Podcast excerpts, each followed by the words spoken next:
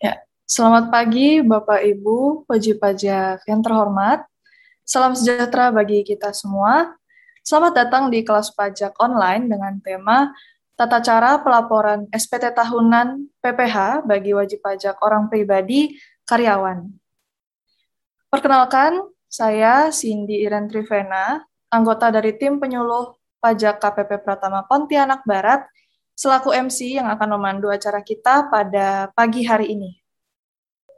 Oke, baiklah Bapak Ibu, langsung saja kita masuk ke inti acara kelas pajak online pada pagi hari ini, yaitu sesi penyampaian materi mengenai tata cara pelaporan SPT tahunan PPH bagi wajib pajak orang pribadi karyawan yang akan disampaikan oleh fungsional penyuluh pajak KPP Pratama Pontianak Barat. Kepada para narasumber, dipersilahkan. Selamat pagi Bapak Ibu sekalian. Hari ini kami para penyuluh KPP Pratama Pontianak Barat akan menyampaikan materi mengenai tata cara pelaporan SPT tahunan bagi wajib pajak orang pribadi khususnya karyawan. Perkenalkan saya Kristi dan teman-teman saya ada Indara dan ada Ari. Untuk yang pertama materi, saya akan menyampaikan. Saya sangat berharap bahwa uh, penyampaian materi kali ini akan membantu Bapak Ibu untuk lebih memahami perpajakan terutama di bidang SPT tahunan dan orang pribadi yang sifatnya untuk khusus karyawan. Saya izin untuk share materi. Saya mulai saja ya Bapak Ibu. Nah, pertama ini mengenai apa sih kewajiban perpajakan secara umum. Pertama itu kita mengenai daftar. Jika jika wajib pajak yang sudah memenuhi syarat secara objektif dan subjektif, maka wajib untuk mendaftarkan diri dan memiliki NPWP. Ketika sudah memiliki NPWP, dia wajib untuk menghitung sendiri atas kegiatan usahanya. Kenapa? Karena Indonesia itu menganut sistem self assessment. Jadi silakan Bapak Ibu hitung sendiri setelah dihitung, disetorkan dan dilaporkan. Nah, untuk penyetoran itu sekarang sudah lebih praktis dilakukan di bank, di kantor pos dengan membuat billing, kemudian bisa juga melalui Tokopedia sekarang dan juga mobile banking. Mobile banking juga bisa, tapi untuk sementara yang bisa secara langsung tanpa menggunakan billing adalah Mandiri Online. Nah, setelah semuanya telah dilakukan, perlu untuk dilaporkan.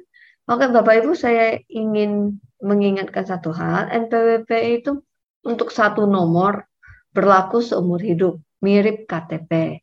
Jadi mungkin banyak Bapak Ibu yang berpikir, eh saya sudah nggak bekerja atau saya dulu bekerja di perusahaan A, tapi perusahaan itu kan saya udah lama nggak bekerja, berarti NPWP saya buat baru. Oh enggak, NPWP itu satu, satu nomor itu untuk seumur hidup dan tidak akan diganti karena NPWP itu mencakup atau mengambil nilai nik, angka nik. Sehingga kita kan tidak berubah dan NPWP tidak berubah.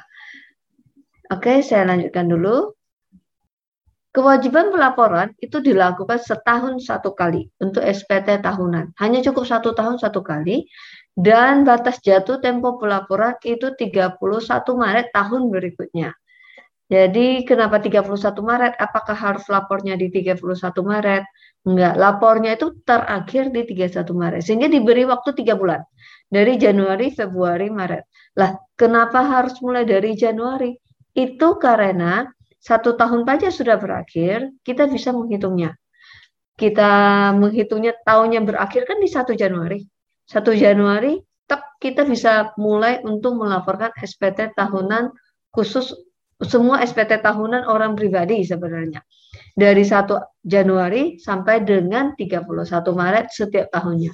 Jadi untuk tahun 2021 akan dilaporkan nanti di 2022 start mulai 1 Januari 2022 sampai dengan 31 Maret 2022. Tapi apabila Misalnya ini kan sudah bulan September ya. Bapak Ibu belum melaporkan SPT tahunan 2020, berarti yang tahun sebelumnya. Apakah bisa dilaporkan? Bisa, tetap bisa dilaporkan, cuma memang hitungannya telah. Oke, sekarang bagaimana cara melaporkannya? Khusus untuk karyawan, di sini dinamakan karyawan karena bekerja dengan seseorang. Bekerja dengan seseorang dalam hal ini adalah yang dipotong pajaknya.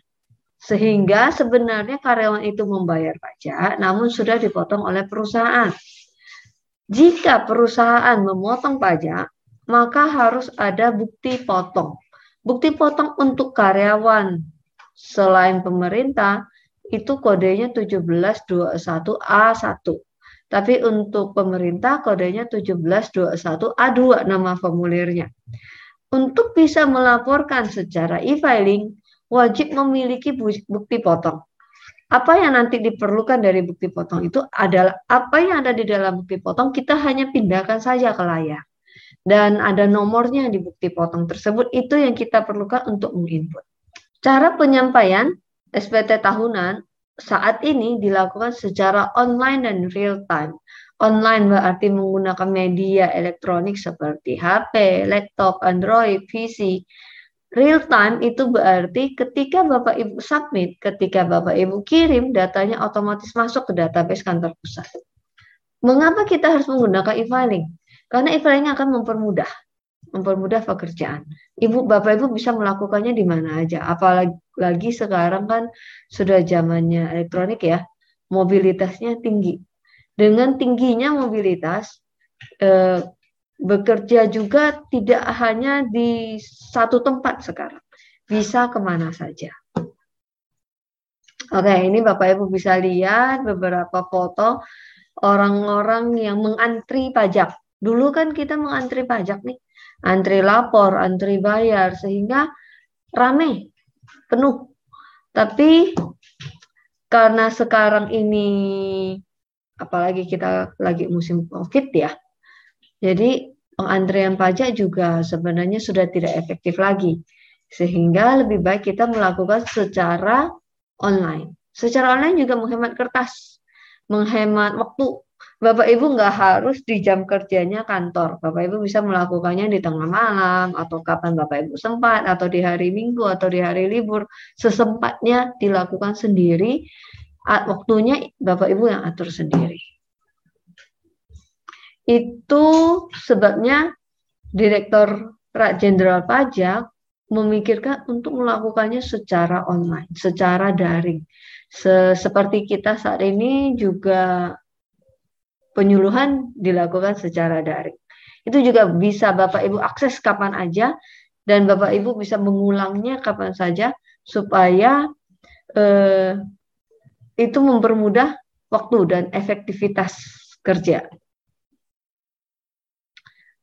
Oke, wajib e-filing siapa saja sih yang wajib untuk melakukan e-filing? Itu adalah pegawai negeri atau yang sekarang disebut ASN berdasarkan Menteri, Surat Edaran Menteri Pemberdayaan Aparatur Negara dan Reformasi Birokrasi Menteri Pan-RB nomor 41. Nah, yang wajib melakukan e-filing adalah ASN, TNI, Polri. Karena mereka pasti mendapatkan bukti potong. Uh, jika ada Bapak Ibu di antara Bapak Ibu yang sekarang mendengarkan siaran ini pasti salah satunya misalnya apakah di ASN, TNI atau Polri tiap tahun pasti dikasih hama bendara. Bukti potong 1721 A2. Oke, jenis layanan e-filing ada macam-macam. E-filing itu adalah sebutan untuk pelaporan secara online. Oke, SPT tahunan untuk wajib pajak orang pribadi 1770 SS SS itu untuk kriteria wajib pajak yang di bawah 60 juta penghasilannya dalam satu tahun. Jadi diakumulasikan dalam satu tahun. Ada lagi 1770 OP yang S belakangnya. Ya, kalau yang S itu yang penghasilannya di atas 60 juta dalam satu tahun. Kita bisa mengupload SPT menggunakan e-form sekarang. Ada yang namanya SPT tahunan orang pribadi atau OP 1770 dan ada SPT tahunan badan 1771. Nah, untuk yang orang pribadi 1770 itu biasanya lebih kompleks. Kompleks untuk pekerjaannya.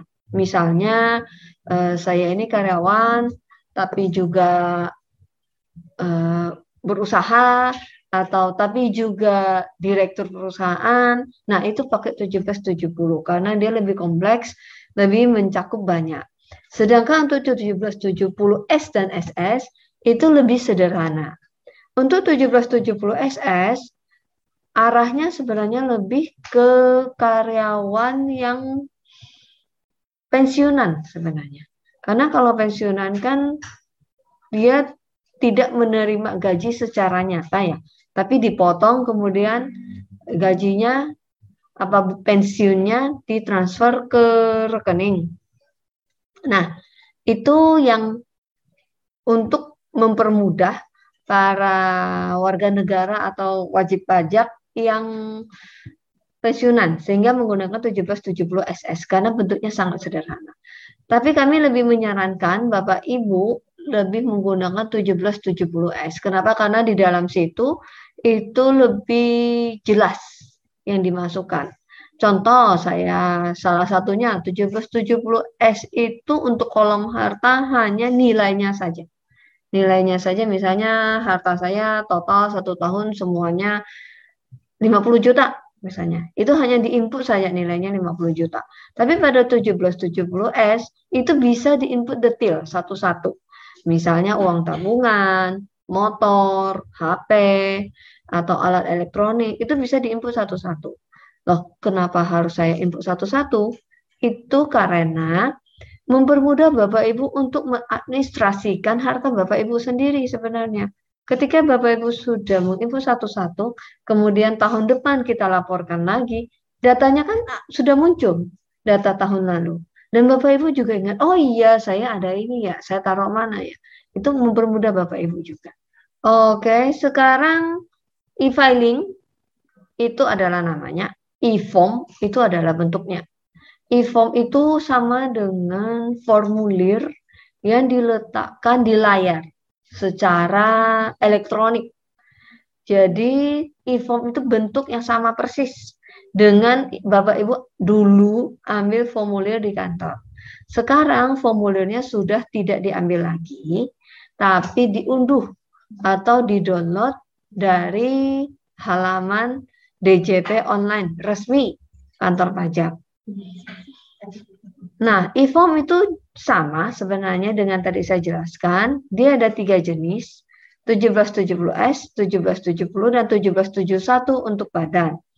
Untuk kapan menggunakan 1770S dan 1770, gampangnya begini, kalau misalnya Bapak Ibu ini karyawan, senyata-nyata karyawan dan tidak memiliki usaha lain yang memiliki bukti potong, gunakan 1770S.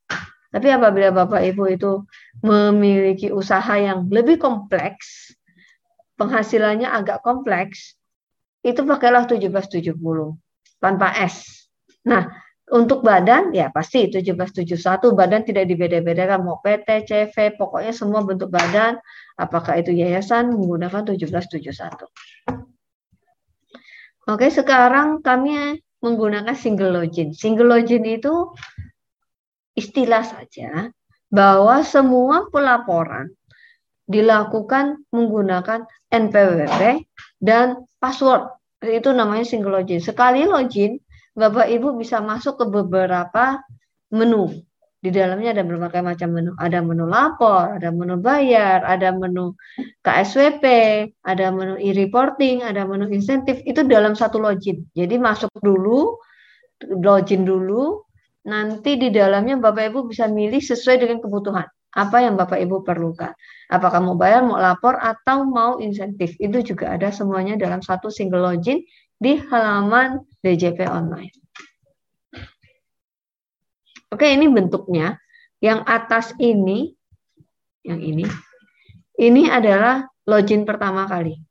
Masukkan NPWP, masukkan password, masukkan captcha.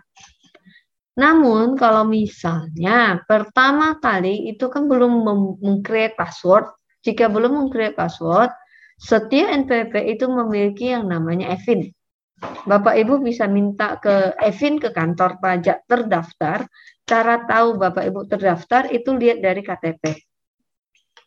Ketika KTP Bapak Ibu terdaftar di misalnya Jalan K. Haji Rasim, itu kan wilayah kerjanya Pontianak Barat. Nah, silakan Bapak Ibu ke Pontianak Barat untuk meminta Evin. Ini ada kecil ya Bapak Ibu ya. Login, kemudian aktivasi dan registrasi akun. Nah, untuk pertama kali setelah Evin didapat, Bapak Ibu itu perlu untuk aktivasi. Diklik saja aktivasinya, diikuti langkah-langkahnya. Nanti ada yang dikirim ke email, kemudian diklik emailnya untuk aktivasinya. Kurang lebih sih sama sih ya. Sekarang semua juga begitu. Apakah Bapak Ibu mau login di Shopee, Tokopedia, itu kan juga perlu aktivasi dari email.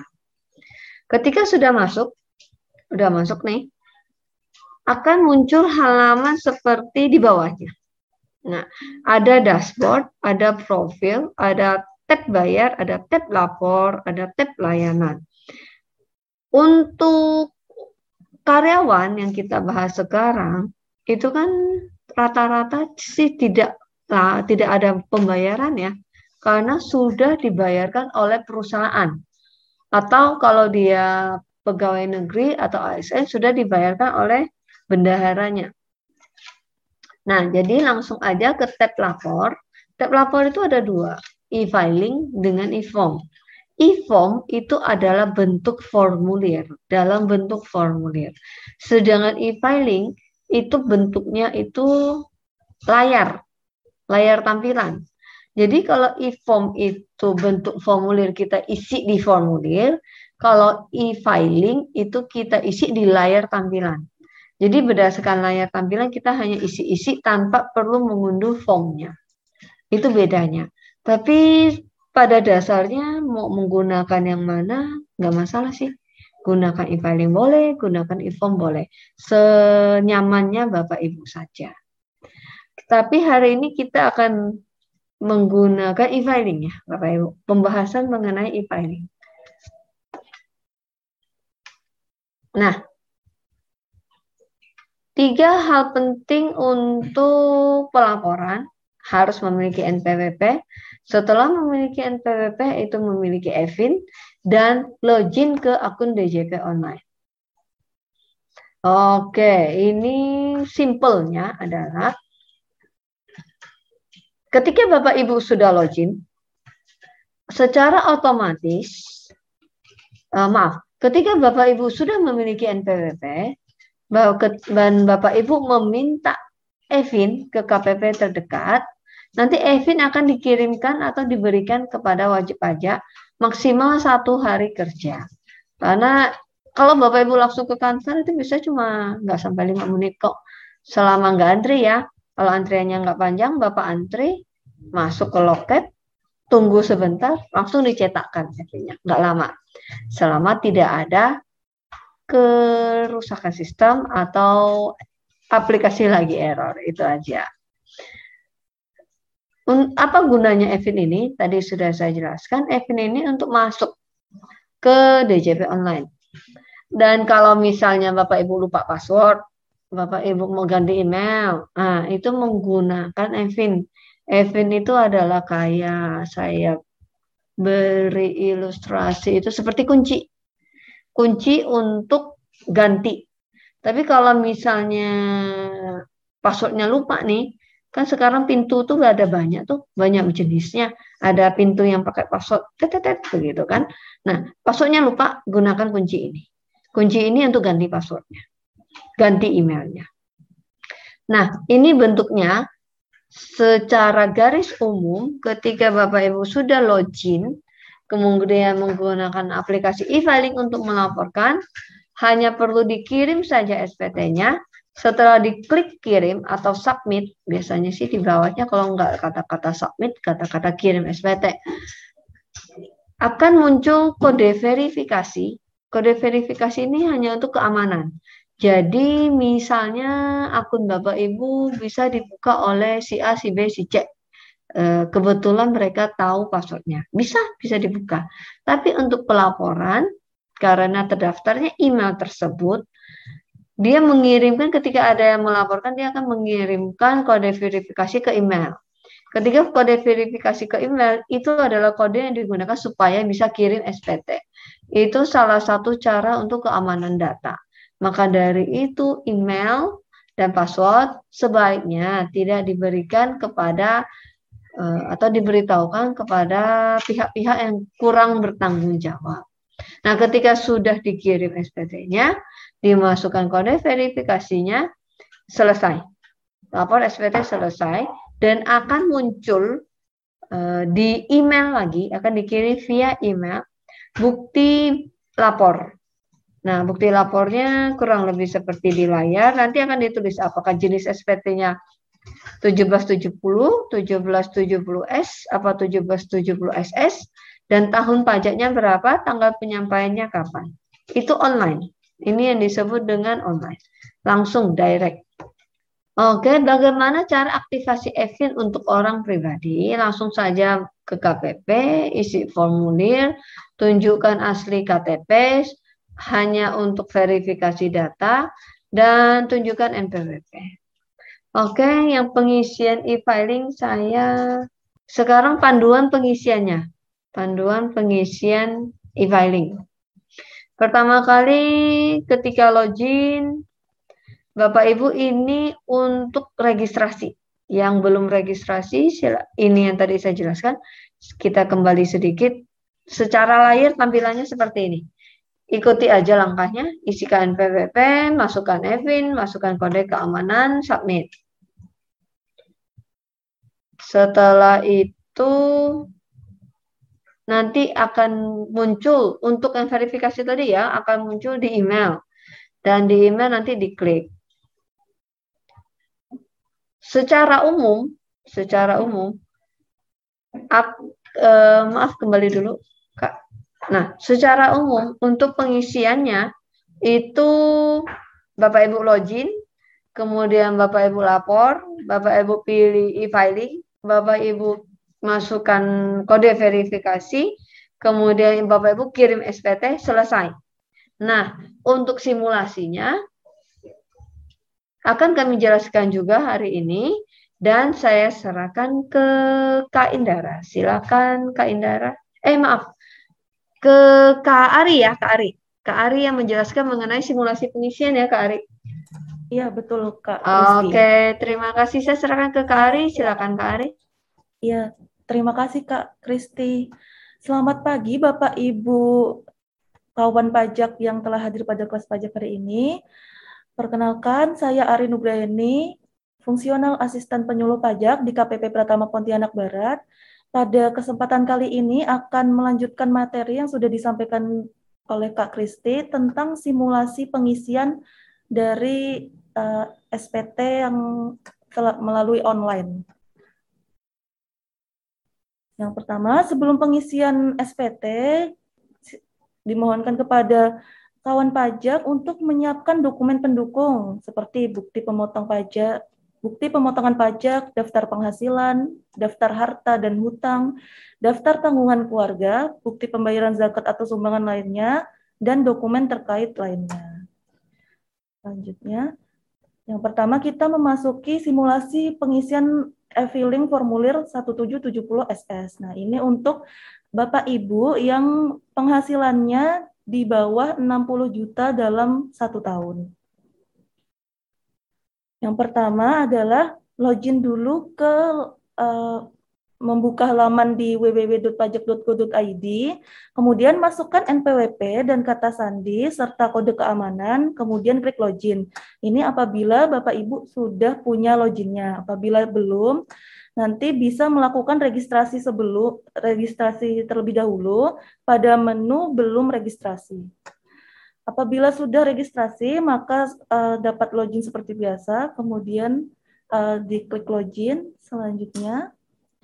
Selanjutnya maka akan muncul laman seperti ini. Jadi ada menu dashboard, profil, bayar, lapor, dan layanan.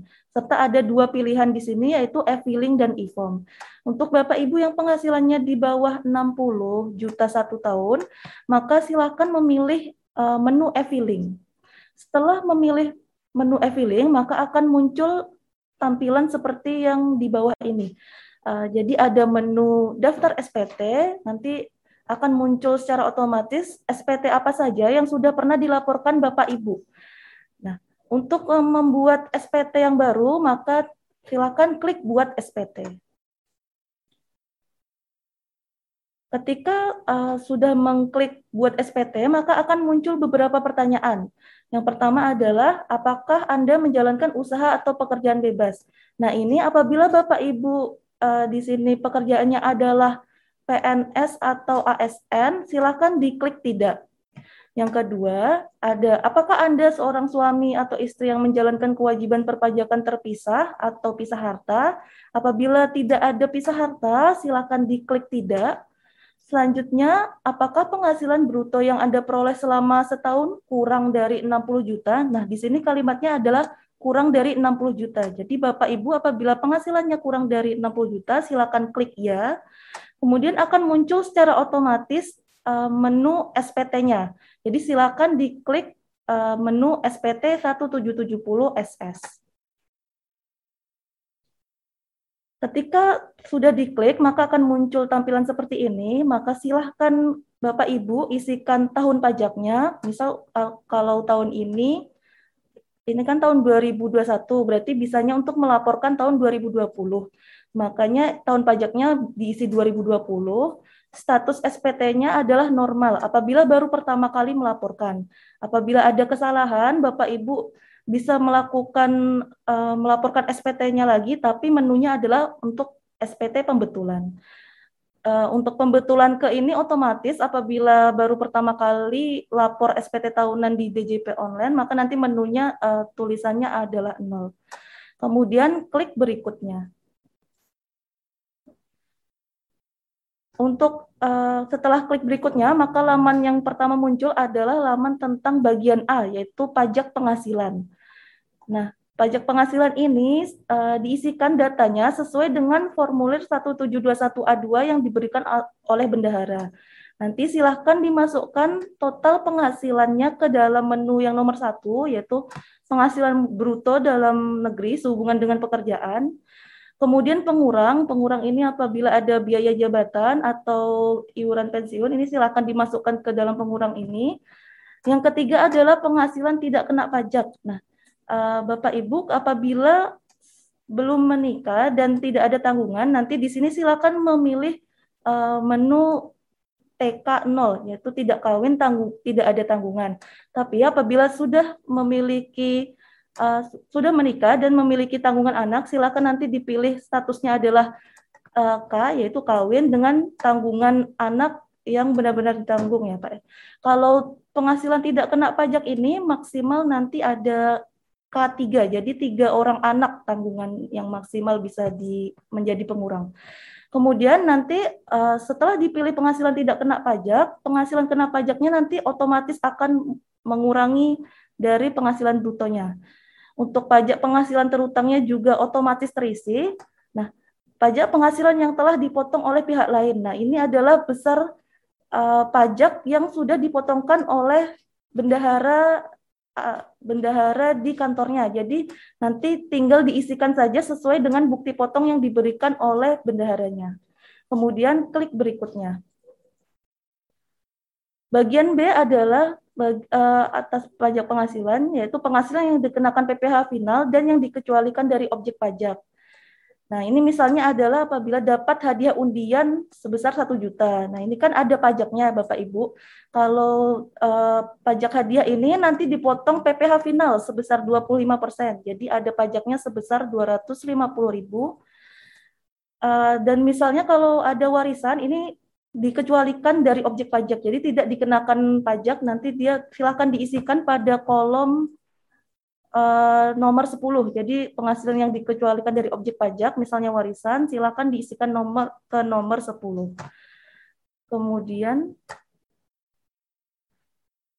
yang selanjutnya adalah ada bagian C. Bagian C ini adalah daftar harta dan kewajiban. Nah, misalnya Bapak Ibu ini punya harta seperti motor atau perhiasan atau perabot rumah tangga. Nah, semua harta yang atas nama Bapak atau Ibu silakan dimasukkan ke nomor 11. Jadi diperkirakan uh, total nilai yang nilai harta Bapak Ibu silakan diisi ke nomor 11. Kemudian untuk nomor 12 ini diisikan uh, kewajiban atau hutang pada akhir tahun pajak. Nah, ini misalnya Bapak Ibu punya uh, hutang ke bank. Nah, yang diisikan adalah nilai yang belum dilunasi. Silakan dimasukkan ke nomor 12. Kemudian diklik berikutnya, maka akan muncul bagian pernyataan. Nah, bagian pernyataan ini uh, berisikan uh, dengan menyadari sepenuhnya akan segala akibat ini, termasuk sanksi-sanksi sesuai dengan ketentuan peraturan perundang-undangan yang berlaku. Uh, Bapak Ibu menyatakan bahwa telah menyampaikan secara benar, lengkap, dan jelas. Silakan diklik setuju. Setelah klik setuju, maka akan muncul ringkasan SPT Bapak Ibu. Jadi uh, jenis formulir yang Bapak Ibu sampaikan adalah SS, tahun pajaknya tahun pajak berapa, pembetulannya ini apabila baru pertama kali untuk tahun tersebut tulisannya akan nol, status SPT apabila uh, uh, apabila tidak ada kelebihan bayar atau kurang bayar maka statusnya akan nihil. Kemudian uh, lanjut ke bagian kedua adalah ada kode verifikasi. Nah, silakan uh, diklik kode verifikasi di sini. Ada tombol di sini. Silakan diklik. Nah, nanti dia akan memunculkan pilihan kode verifikasinya mau dikirimkan ke email atau nomor HP yang sudah didaftarkan ke akun DJP online-nya. Nanti silakan diklik, misal ini ke email, kemudian diklik OK.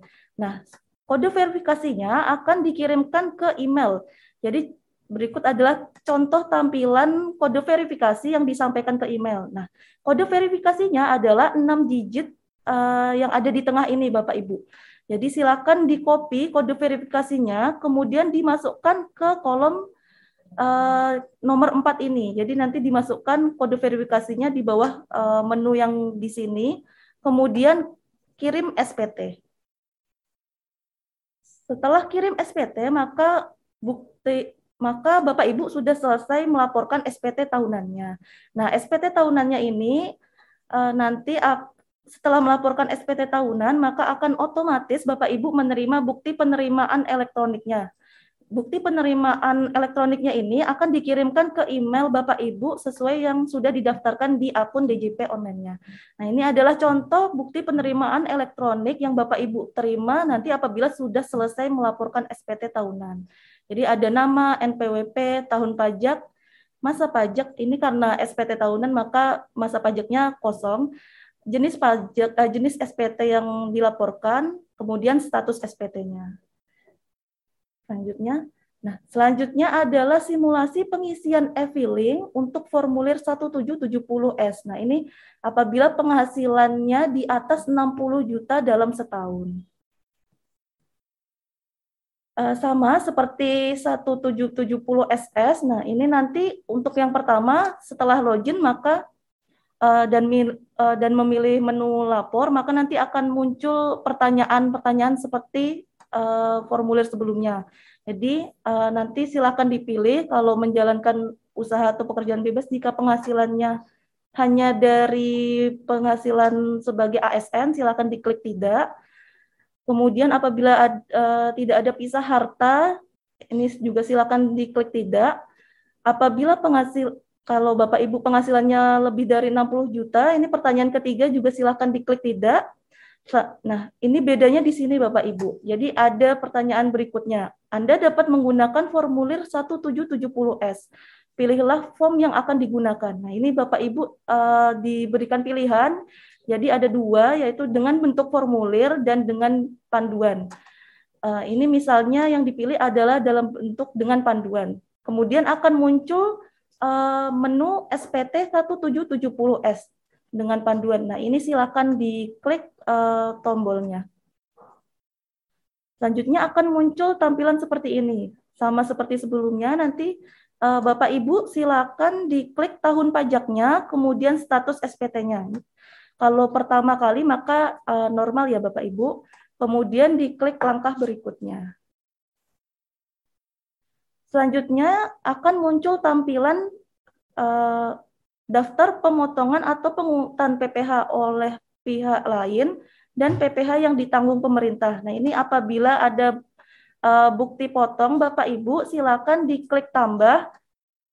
Selanjutnya, Mbak. Nah, ketika sudah diklik tambah, maka nanti akan muncul uh, daftar menu seperti ini. Jadi nanti silakan dipilih jenis pajaknya adalah pasal 21 karena uh, ini melaporkan SPT tahunan. Kemudian NPWP pemotong atau pemungut pajaknya ini adalah NPWP kantornya. Misal ini adalah gaji kantor pusat Ditjen Pajak. Nah, ini biasanya ada di uh, dituliskan di bukti potongnya. Kemudian nomor bukti pemotongan pem, atau pemungutan silakan dimasukkan sesuai dengan nomor yang tercantum di bukti potong yang sudah dibuat oleh bendaharanya. Kemudian tanggal bukti potongnya juga silakan diinput Kemudian jumlah PPh yang dipotong atau dipungut ini silakan disesuaikan dengan buk, uh, nilai yang tertera dalam bukti potongnya. Apabila sudah terisi semua, maka klik simpan.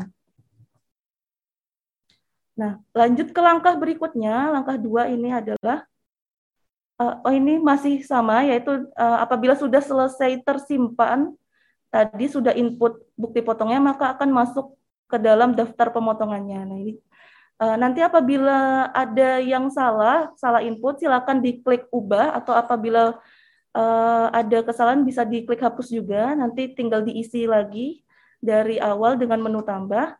Apabila sudah benar, maka lanjut ke langkah berikutnya. Kemudian langkah yang ketiga adalah mengasuk, memasukkan penghasilan neto dalam negeri sehubungan dengan pekerjaan. Nah ini silakan dimasukkan penghasilan netonya sesuai dengan uh, penghasilan yang diterima dan yang sudah dituliskan di bukti potong yang sudah yang dibuat oleh bendahara. Apabila sudah benar, klik langkah berikutnya. Langkah keempat maka, uh, adalah memasukkan penghasilan dalam negeri lainnya bila ada. Nah ini kalau misalnya ada penghasilan seperti bunga, royalti, sewa, hadiah, keuntungan dan dari penjualan atau pengalihan harta atau ada penghasilan lain silakan diisi ke uh, menu yang seperti menu yang berikutnya ini. Jadi tapi kalau misalnya tidak ada penghasilan dari contohnya seperti penghasilan penghasilan berikut maka silakan diklik tidak. Kemudian lanjut ke langkah berikutnya. Langkah kelima nanti adalah penghasilan luar negeri. Nah, ini apabila ada penghasilan luar negeri, silakan diisikan. Tapi kalau misalnya tidak ada, silakan diklik tidak. Kemudian lanjut ke langkah berikutnya. Langkah berikutnya adalah memasukkan penghasilan yang tidak termasuk objek objek pajak. Nah, eh, yang apa aja sih yang tidak termasuk dengan objek pajak? Ini yang tidak termasuk misalnya ada bantuan, sumbangan atau hibah, warisan, bagian laba anggota perseroan komanditer tidak atas saham, klaim asuransi kesehatan kecelakaan jiwa uh, beasiswa, uh, penghasilan lainnya yang tidak termasuk objek pajak. Nah ini silakan dimasukkan ke dalam menu yang uh, tidak termasuk objek pajak. Apabila tidak ada, silakan lanjut ke langkah berikutnya. Uh, langkah ketujuh adalah uh, apabila ada penghasilan final. Nah, tadi kan misalnya ada um, menerima hadiah undian, itu hadiah undian kan dipotong PPh final sebesar 25%. Nah, bukti potongnya nanti silakan dimasukkan ke menu yang berikut.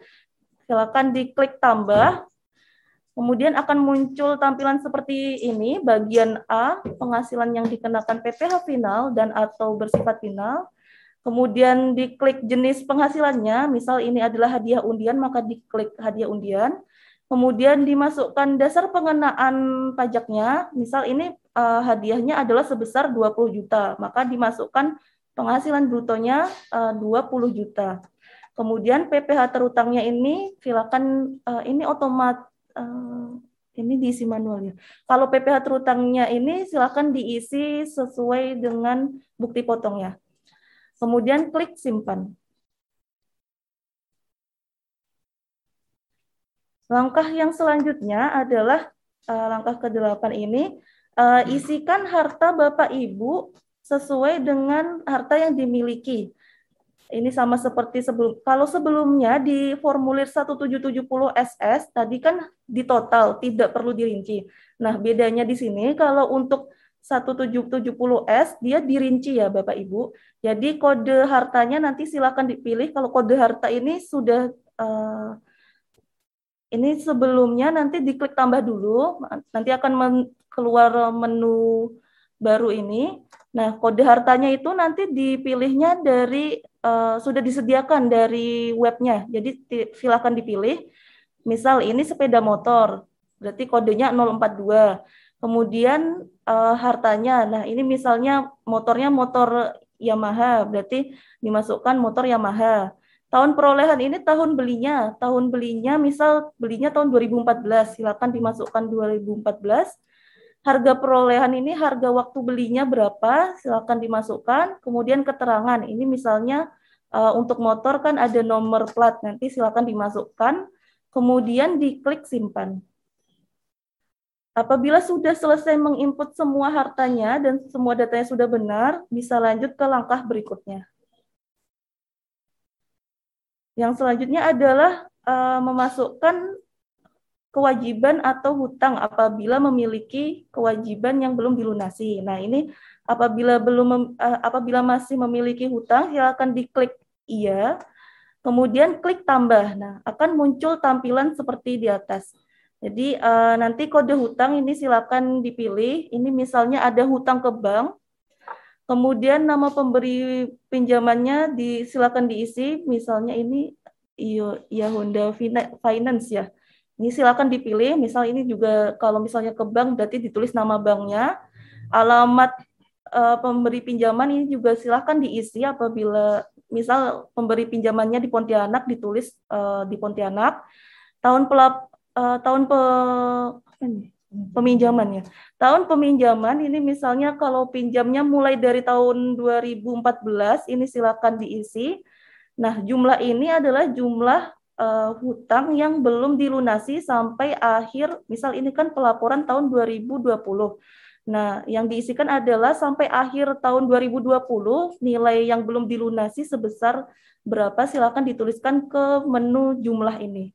Apabila sudah selesai maka klik simpan. Selanjutnya adalah langkah um, memiliki tanggungan. Nah, ini apabila memiliki tanggungan anak atau istri. Nah, ini silakan dimasukkan data-data keluarganya ke menu yang berikut. Jadi apabila Anda memiliki tanggungan silakan diklik ya, kemudian klik tambah untuk memasukkan data-data keluarga dan tanggungannya. Nah, misal ini namanya uh, namanya anak lanang ini. NIK-nya silakan diisi, hubungan keluarganya adalah anak kandung, pekerjaannya karena masih balita silakan ditulis balita kemudian klik simpan.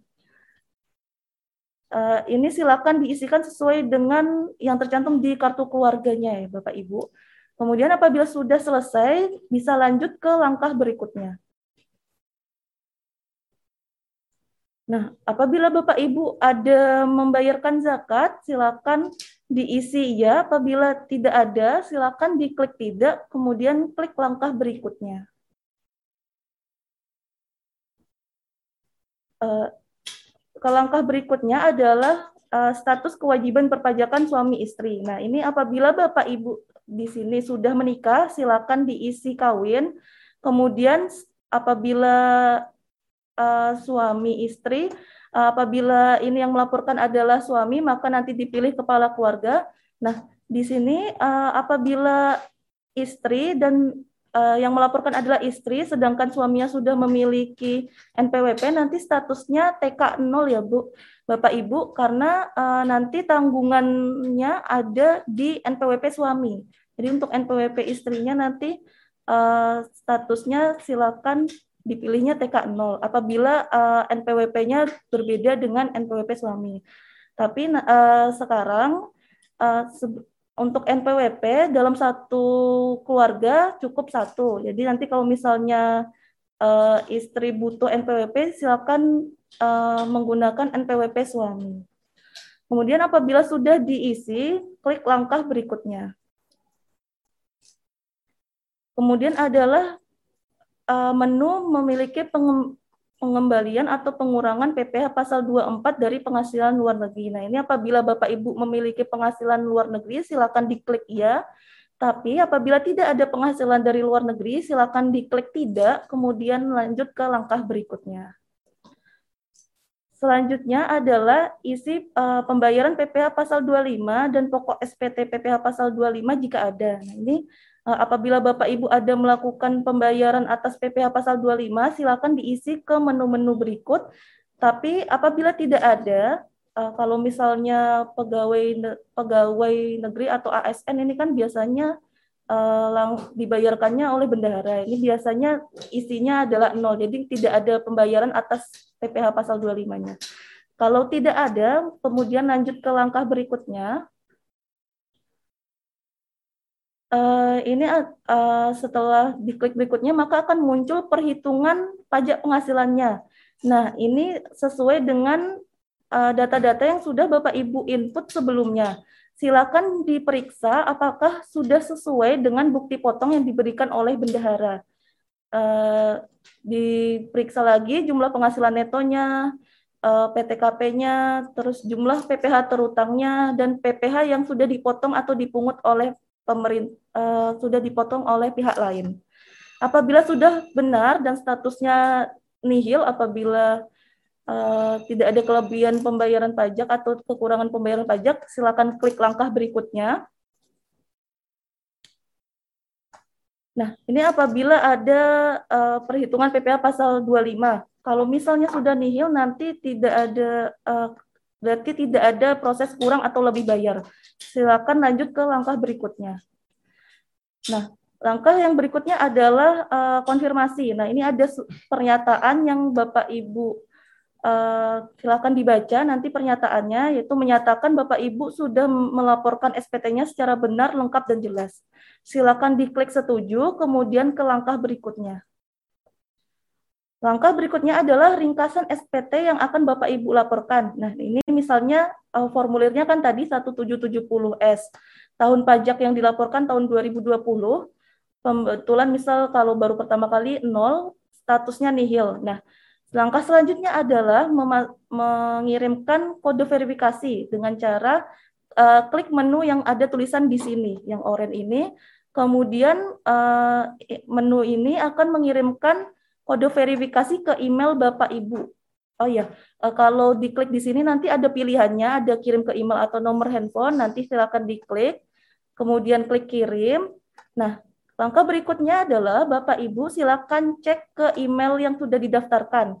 Nanti akan uh, ada email dari efiling@pajak.go.id yang berisikan kode verifikasinya ber, uh, yang terdiri dari 6 digit. Nah, kode yang 6 digit inilah yang nanti akan dimasukkan ke uh, menu di bawah uh, kode verifikasi ini. Silakan diisikan ke kolom berikut, kemudian klik kirim SPT. Setelah berhasil kirim SPT, maka Bapak Ibu akan menerima bukti penerimaan elektroniknya. Nah, bukti penerimaan elektroniknya ini dikirimkan ke email eh, atau bisa dilihat juga di daftar SPT-nya. Nanti di menu sebelah kanan ada lihat BPN-nya. Nanti jika diklik di menu BPN-nya itu eh, akan muncul contoh BPN-nya ini. Nah, ini adalah tampilan bukti penerimaan elektronik yang dikirimkan melalui email. Jadi nanti ada uh, berisikan nama, NPWP, tahun pajaknya, masa pajaknya, serta status SPT-nya, dan tanggal penyampaian SPT tahunannya. Berikutnya. Ya. Uh, untuk materi yang saya sampaikan cukup di sini uh, materi berikutnya akan dilanjutkan oleh rekan saya, yaitu Ibu Kakak Indara.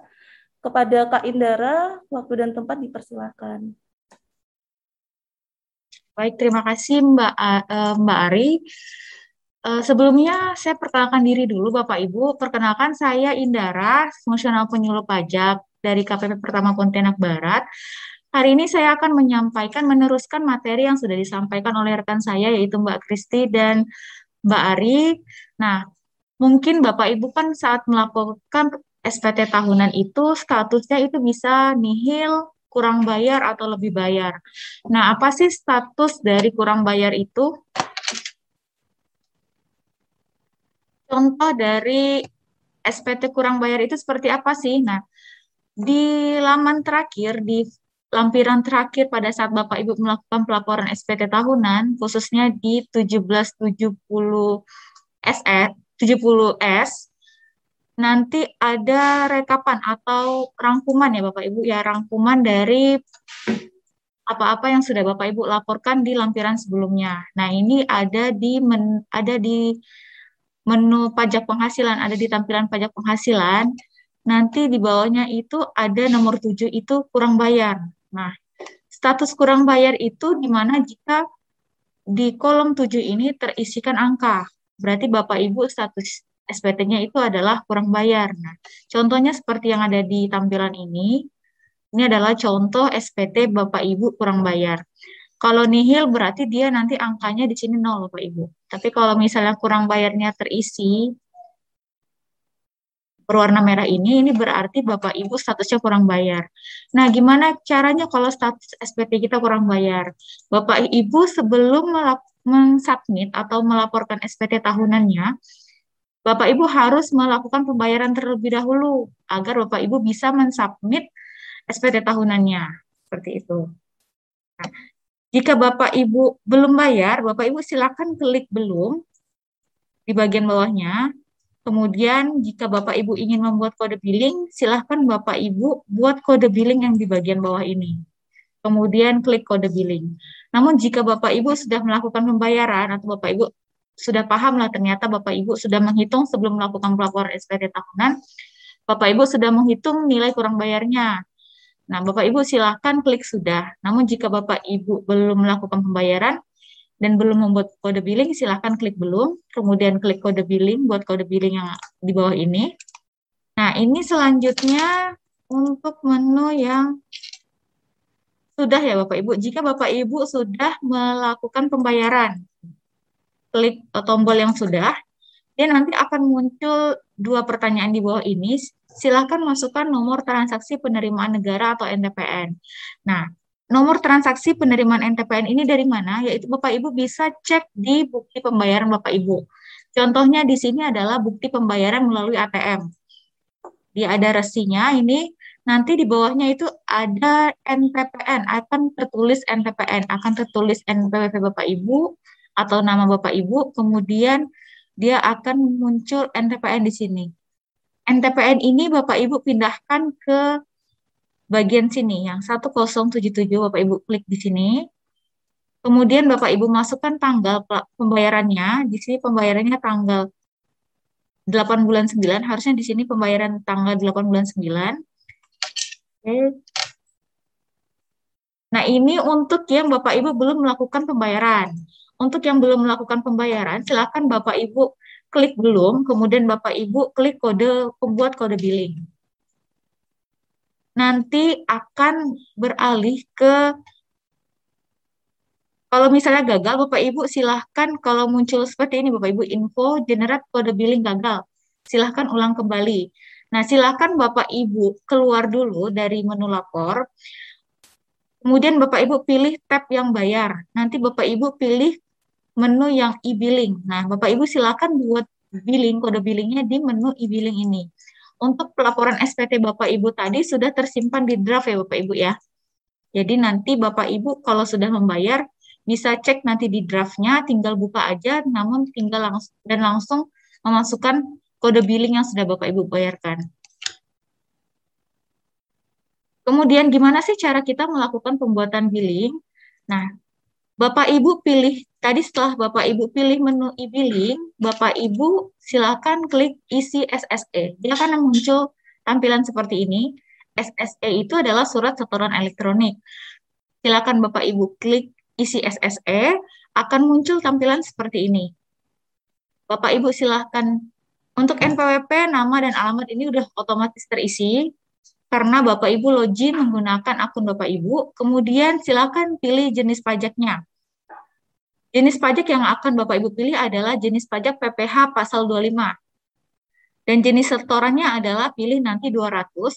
kemudian masa pajaknya dia nanti akan eh, nggak uh, bisa terisi ya Bapak Ibu ya karena Bapak Ibu ini untuk yang PPh pasal 25 kemudian pilih tahun pajak pelaporannya pembayarannya misalnya tahun pajak 2020 silahkan Bapak Ibu pilih tahun pajak 2020 kemudian jumlah setornya jumlah setornya ini sesuai dengan nilai kurang bayar yang ada di SPT Bapak Ibu seperti itu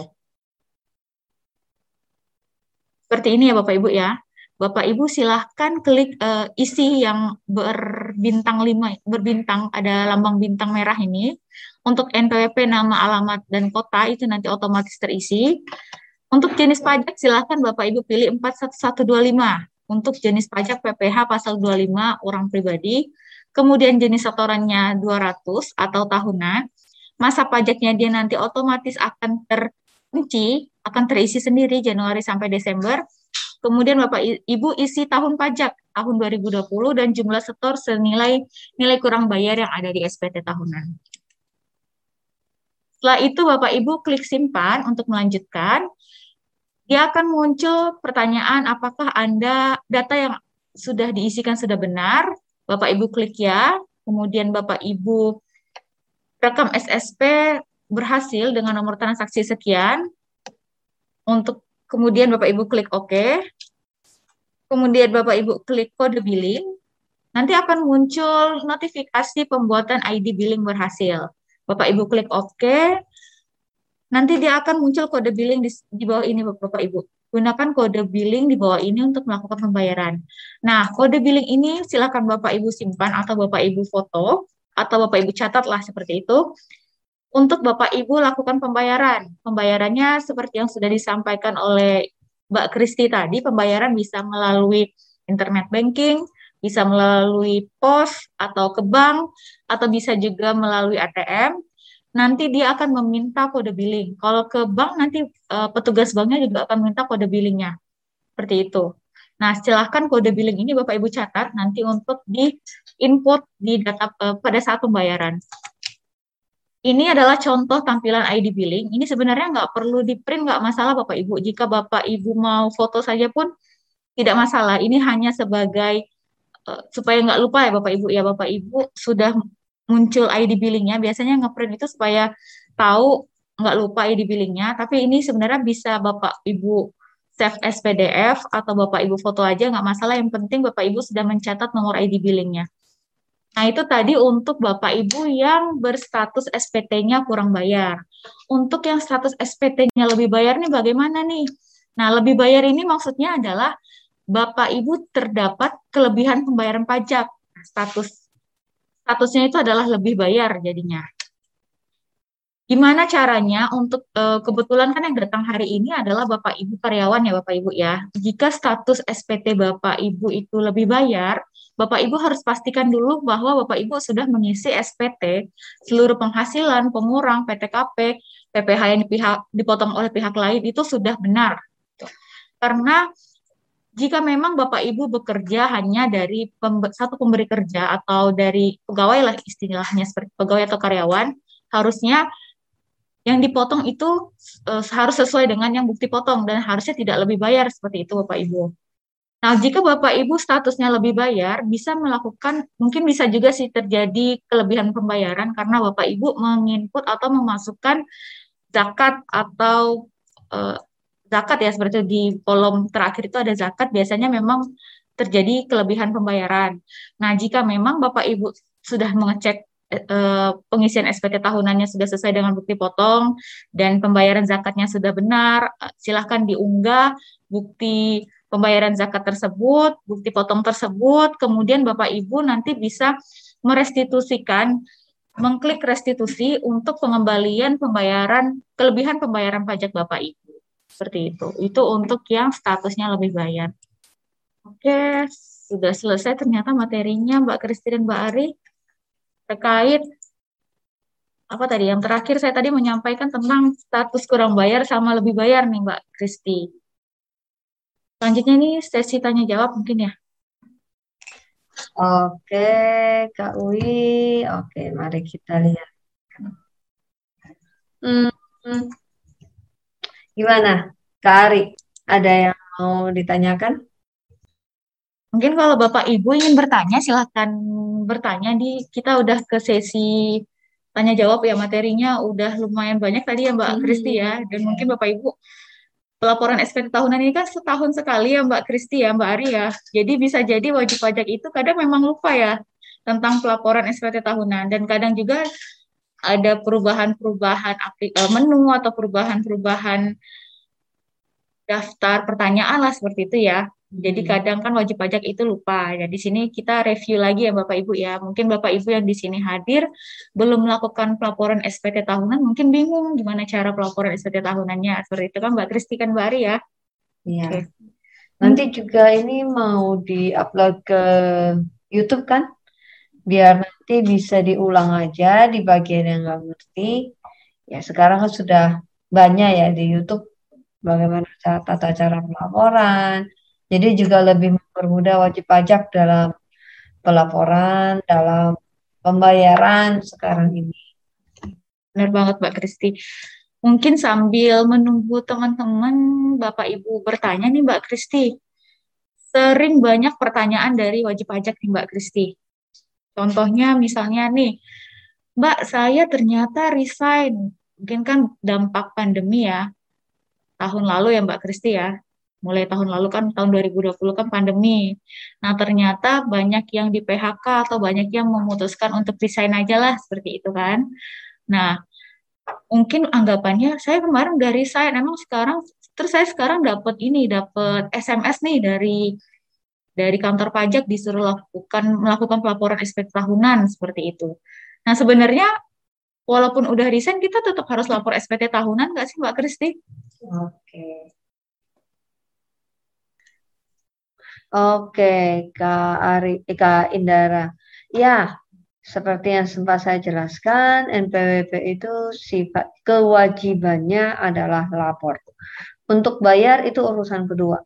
Jika ada memang penghasilan yang perlu dibayar, baru dibayar.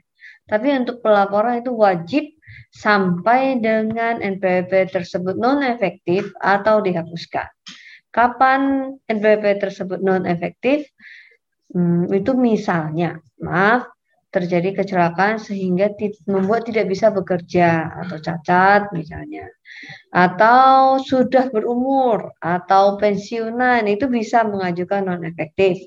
Berumur misalnya dalam arti sudah di atas 65 tahun karena memang sudah tidak bekerja dan mendapat penghasilan misalnya dari anak-anaknya untuk biaya hidup sehari-hari, atau anak-anaknya yang bayar pajak nanti, orang tuanya enggak atau memang sudah meninggal dunia itu juga NPWP-nya perlu diproses untuk ke kantor.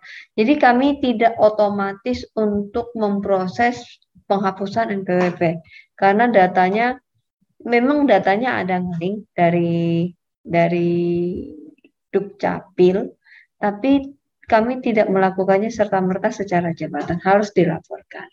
Nah, untuk kasusnya tadi Kak Uwi, Kak Indara cerita, itu kan sebenarnya secara logika ya, mungkin saat ini saya tidak bekerja karena pandemi, karena kasus ini. Tapi kan mau nggak mau, saya tetap harus bekerja untuk memenuhi kebutuhan hidup. Katakanlah saya makan tabungan, tapi kan tabungan juga bisa habis. Kita tetap harus bekerja. Maka dari itu NPWP tetap ada. Banyak banyak negara memberikan banyak fasilitas sebenarnya seperti salah satunya jika Bapak Ibu ini di luar konteks jika Bapak Ibu buka toko misalnya nah itu juga ada insentif jika Bapak Ibu bekerja di perusahaan swasta perusahaannya juga bisa minta insentif pasal 21 nah itu juga salah satu sebenarnya negara membantu agar warganya e, untuk mengatasi da, efek dari corona ini, dampak dari corona ini. Dan kembali lagi ke pertanyaan tadi, apakah wajib? Ya, tetap wajib. Wajib melaporkan SPT tahunan. Karena memang SPT tahunan wajib dilaporkan setiap tahun sampai dengan NPWP tersebut dihapuskan atau non efektif. Setiap tahun sebelum 31 Maret. Jika tidak, apa yang terjadi? Denda. Ada dendanya. Dendanya kapan dibayar? Denda dibayar jika ada surat denda. Itu aja. Kalau memang denda tidak mampu dibayar, merasa keberatan, ada proses yang namanya pengurangan sanksi. Ada proses berikutnya.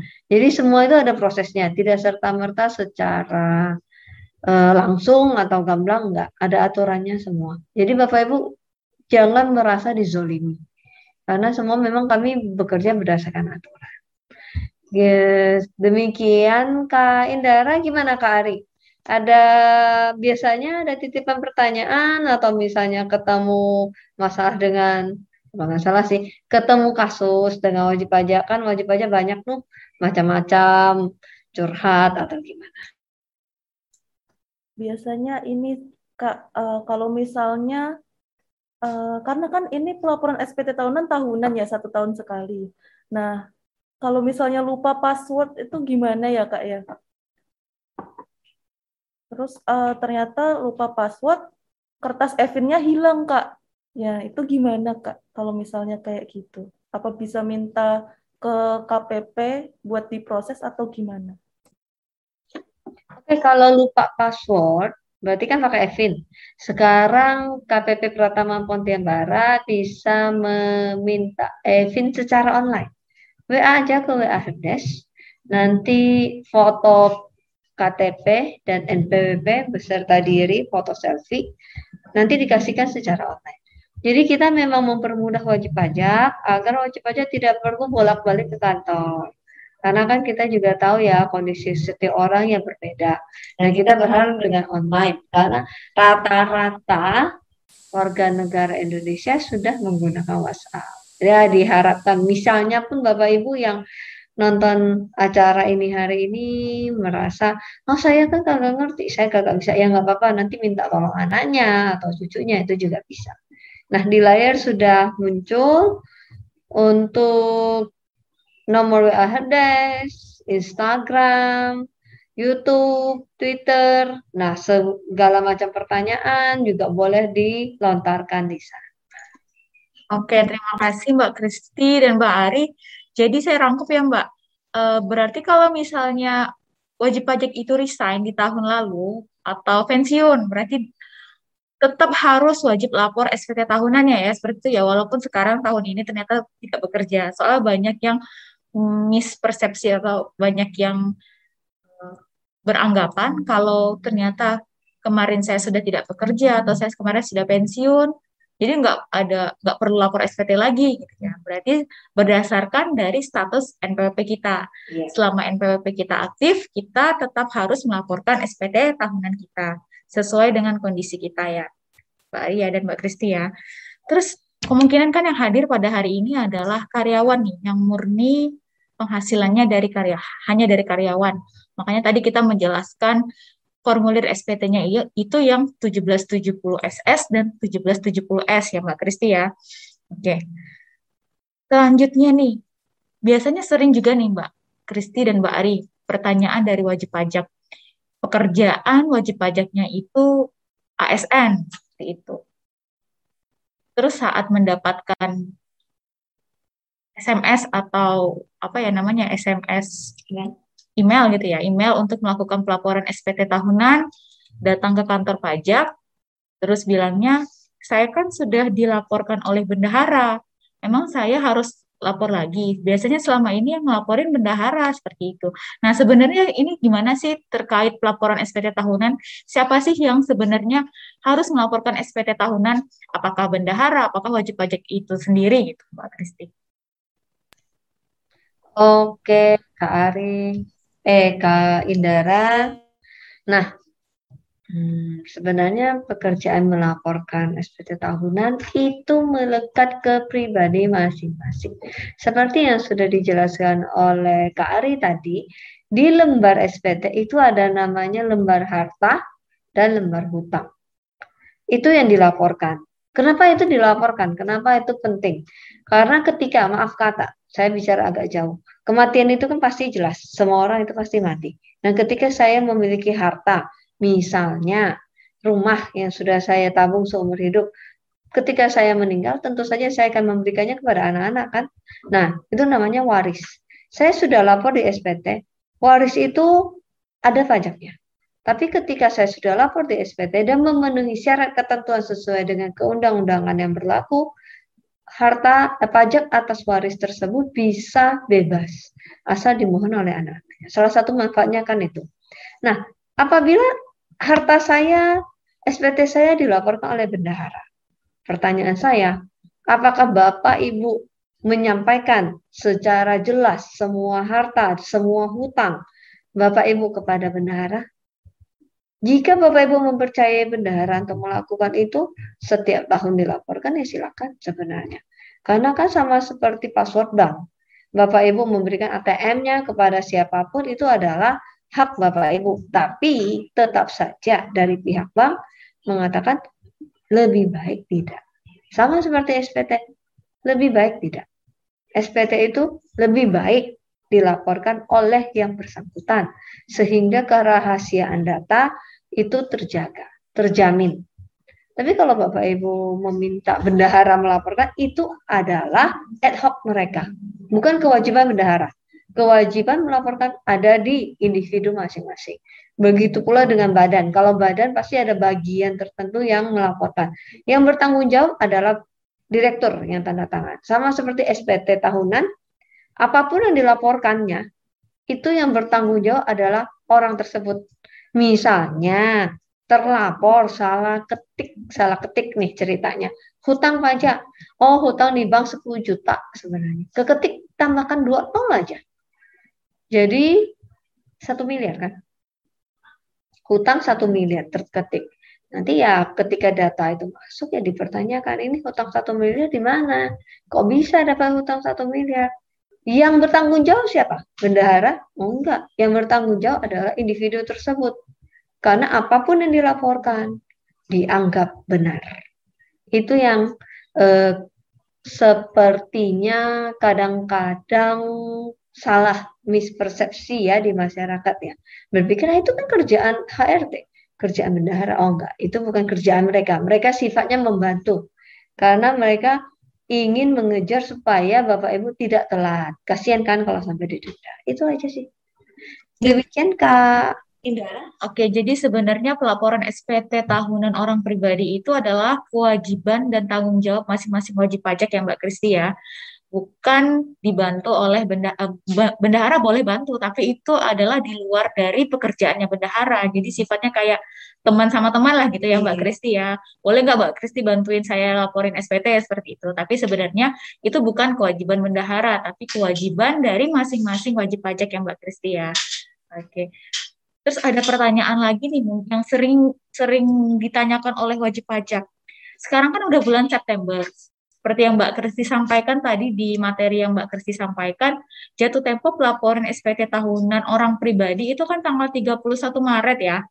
Sekarang udah bulan September. Ternyata mungkin Bapak Ibu ada yang belum melakukan pelaporan SPT tahunan nih. Nah, masih bisa nggak sih Mbak Ari wajib pajak ini melakukan pelaporan SPT tahunan sekarang? Iya Kak Idera. Uh, kalau untuk pelaporan sebenarnya masih bisa sampai se sekarang pun masih bisa. Silakan nanti langsung login saja ke DJP online-nya. Uh. Oh, jadi karena itu adalah kewajiban setiap wajib pajak ya Kak Indara ya.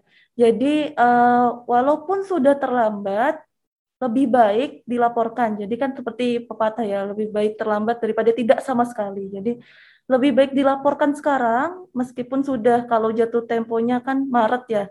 Uh, walaupun sekarang sudah September silakan dilaporkan. Uh, karena itu kewajibannya Bapak Ibu semua. Gitu Kak Indra. Oke Mbak Ari terima kasih. Dan bisa jadi untuk Bapak Ibu yang ASN ya mungkin yang hadir hari ini ada juga yang ASN yang ASN itu juga udah ada peraturan dari Menpan ya untuk wajib melakukan pelaporan SPT tahunan ya melalui online pula kan ya sekarang ya. Kalau dulu sebelumnya wajib melakukan pelaporan SPT tahunan, sekarang tambahannya harus secara online seperti itu ya Mbak Ari ya. Betul Kak Indra.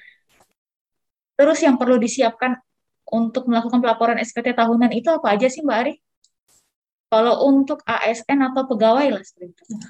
Kalau untuk ASN atau pegawai itu yang harus disiapkan adalah bukti potongnya yang dibuat dari bendahara atau bagian keuangan, terus daftar harta dan hutang yang masih harus dilunasi, sama daftar tanggungannya, Kak. Nah, ini kan data-data pribadi nih, makanya tadi seperti yang dikatakan Kak Kristi, harus disampaikan uh, eh, SPT ini harus disampaikan oleh masing-masing wajib pajak karena yang tahu data-data ini uh, hanya wajib pajaknya sendiri seperti itu kak. Oke, jadi untuk data yang tidak dimiliki oleh wajib pajak sendiri itu yang harus diminta itu seperti bukti potong ya, bukti ya, potong bukti yang potong. harus disediakan oleh bendahara. Nah, bendahara memang punya kewajiban untuk menyerahkan bukti potong kepada seluruh pegawainya itu paling lambat akhir bulan Janu Januari ya. Harusnya setelah bulan Januari itu bendahara sudah menyerahkan bukti potong potong kepada seluruh pegawainya. Seperti itu ya Mbak Ari ya. Betul Kak Indara. Mungkin sudah itu aja kali pertanyaan pertanyaan yang sering ditanyakan oleh wajib pajak terkait laporan SPT tahunan yang orang pribadi karyawan seperti itu ya. Ada tambahan lagi dari Mbak Kristi dan Mbak Ari? Tidak ada, baik. Nah, baik Bapak Ibu, sekian materi dari kami, fungsional penyuluh pajak dari KPP Pratama Pontianak Barat. Untuk sel acara selanjutnya kami serahkan kepada MC kita, kepada Mbak Mbak Cindy. Puan Mbak Cindy, kami persilakan. Ya, terima kasih kepada kakak-kakak fungsional penyuluh pajak dari KPP Pratama Pontianak Barat yang sudah menyampaikan materi terkait tata cara pelaporan SPT tahunan PPH bagi wajib pajak orang pribadi dan untuk sesi pagi ini bagi Bapak Ibu yang bekerja sebagai karyawan. Untuk informasi tambahan Bapak Ibu, di siang nanti pukul 2 itu kami juga akan mengadakan kelas pajak online dengan tema tata cara pelaporan SPT tahunan. Tapi untuk Bapak Ibu yang berprofesi sebagai eh bekerja sebagai UMKM, jadi yang punya usaha yang masuk kategori UMKM, Bapak Ibu bisa mengikuti kelas pajak SPT tahunan di pukul 2 siang nanti. Dan apabila Bapak Ibu ingin mengakses materi kelas pajak pada hari ini, Bapak Ibu bisa mengakses link bit.ly garis miring edu pajak 701. Jadi nanti materi kelas pajak hari ini akan di-upload ke link drive tersebut yang sudah saya sebut tadi dan juga akan diketik oleh panitia di kolom chat. Dan apabila ada pertanyaan lebih lanjut, Bapak Ibu juga bisa menghubungi kami untuk layanan konsultasi bisa melalui pesan WhatsApp di nomor 0852 1333 3701. Untuk layanan konsultasi ini melayani di hari kerja, di hari Senin sampai dengan Jumat, pukul 8 pagi sampai dengan 4 sore. Untuk informasi terkait aturan ataupun kelas pajak berikutnya, Bapak Ibu bisa mengikuti kami di media sosial kami di Instagram yaitu Pajak Ponti Barat. Untuk di Twitter juga Pajak Ponti Barat, Facebook KPP Pratama Pontianak Barat, dan di YouTube Pajak Ponti Barat. Untuk kelas pajak hari ini dan yang sebelum-sebelumnya juga sudah kami unggah kembali Bapak Ibu di YouTube jadi Bapak Ibu yang ingin menonton kembali, mungkin ada beberapa informasi yang terlewat, Bapak Ibu juga bisa menonton kembali video-video kelas pajak di kanal YouTube kami di Pajak Ponti Barat. Ya. Baiklah Bapak Ibu, kita sudah sampai di penghujung acara. Kami mengucapkan terima kasih kepada para peserta yang sudah hadir, yang sudah memenuhi undangan kami pada hari ini. Dan semoga apa yang sudah kita simak apa yang sudah kita terima pada hari ini bisa menjadi ilmu yang bermanfaat bagi kita semua. Kami selaku panitia memohon maaf apabila ada hal-hal yang kurang berkenan di hadapan Bapak Ibu peserta selama acara ini berlangsung. Terima kasih atas perhatiannya, tetap jaga kesehatan, dan sampai jumpa di kelas pajak berikutnya. Selamat pagi Bapak Ibu, selamat beraktivitas kembali.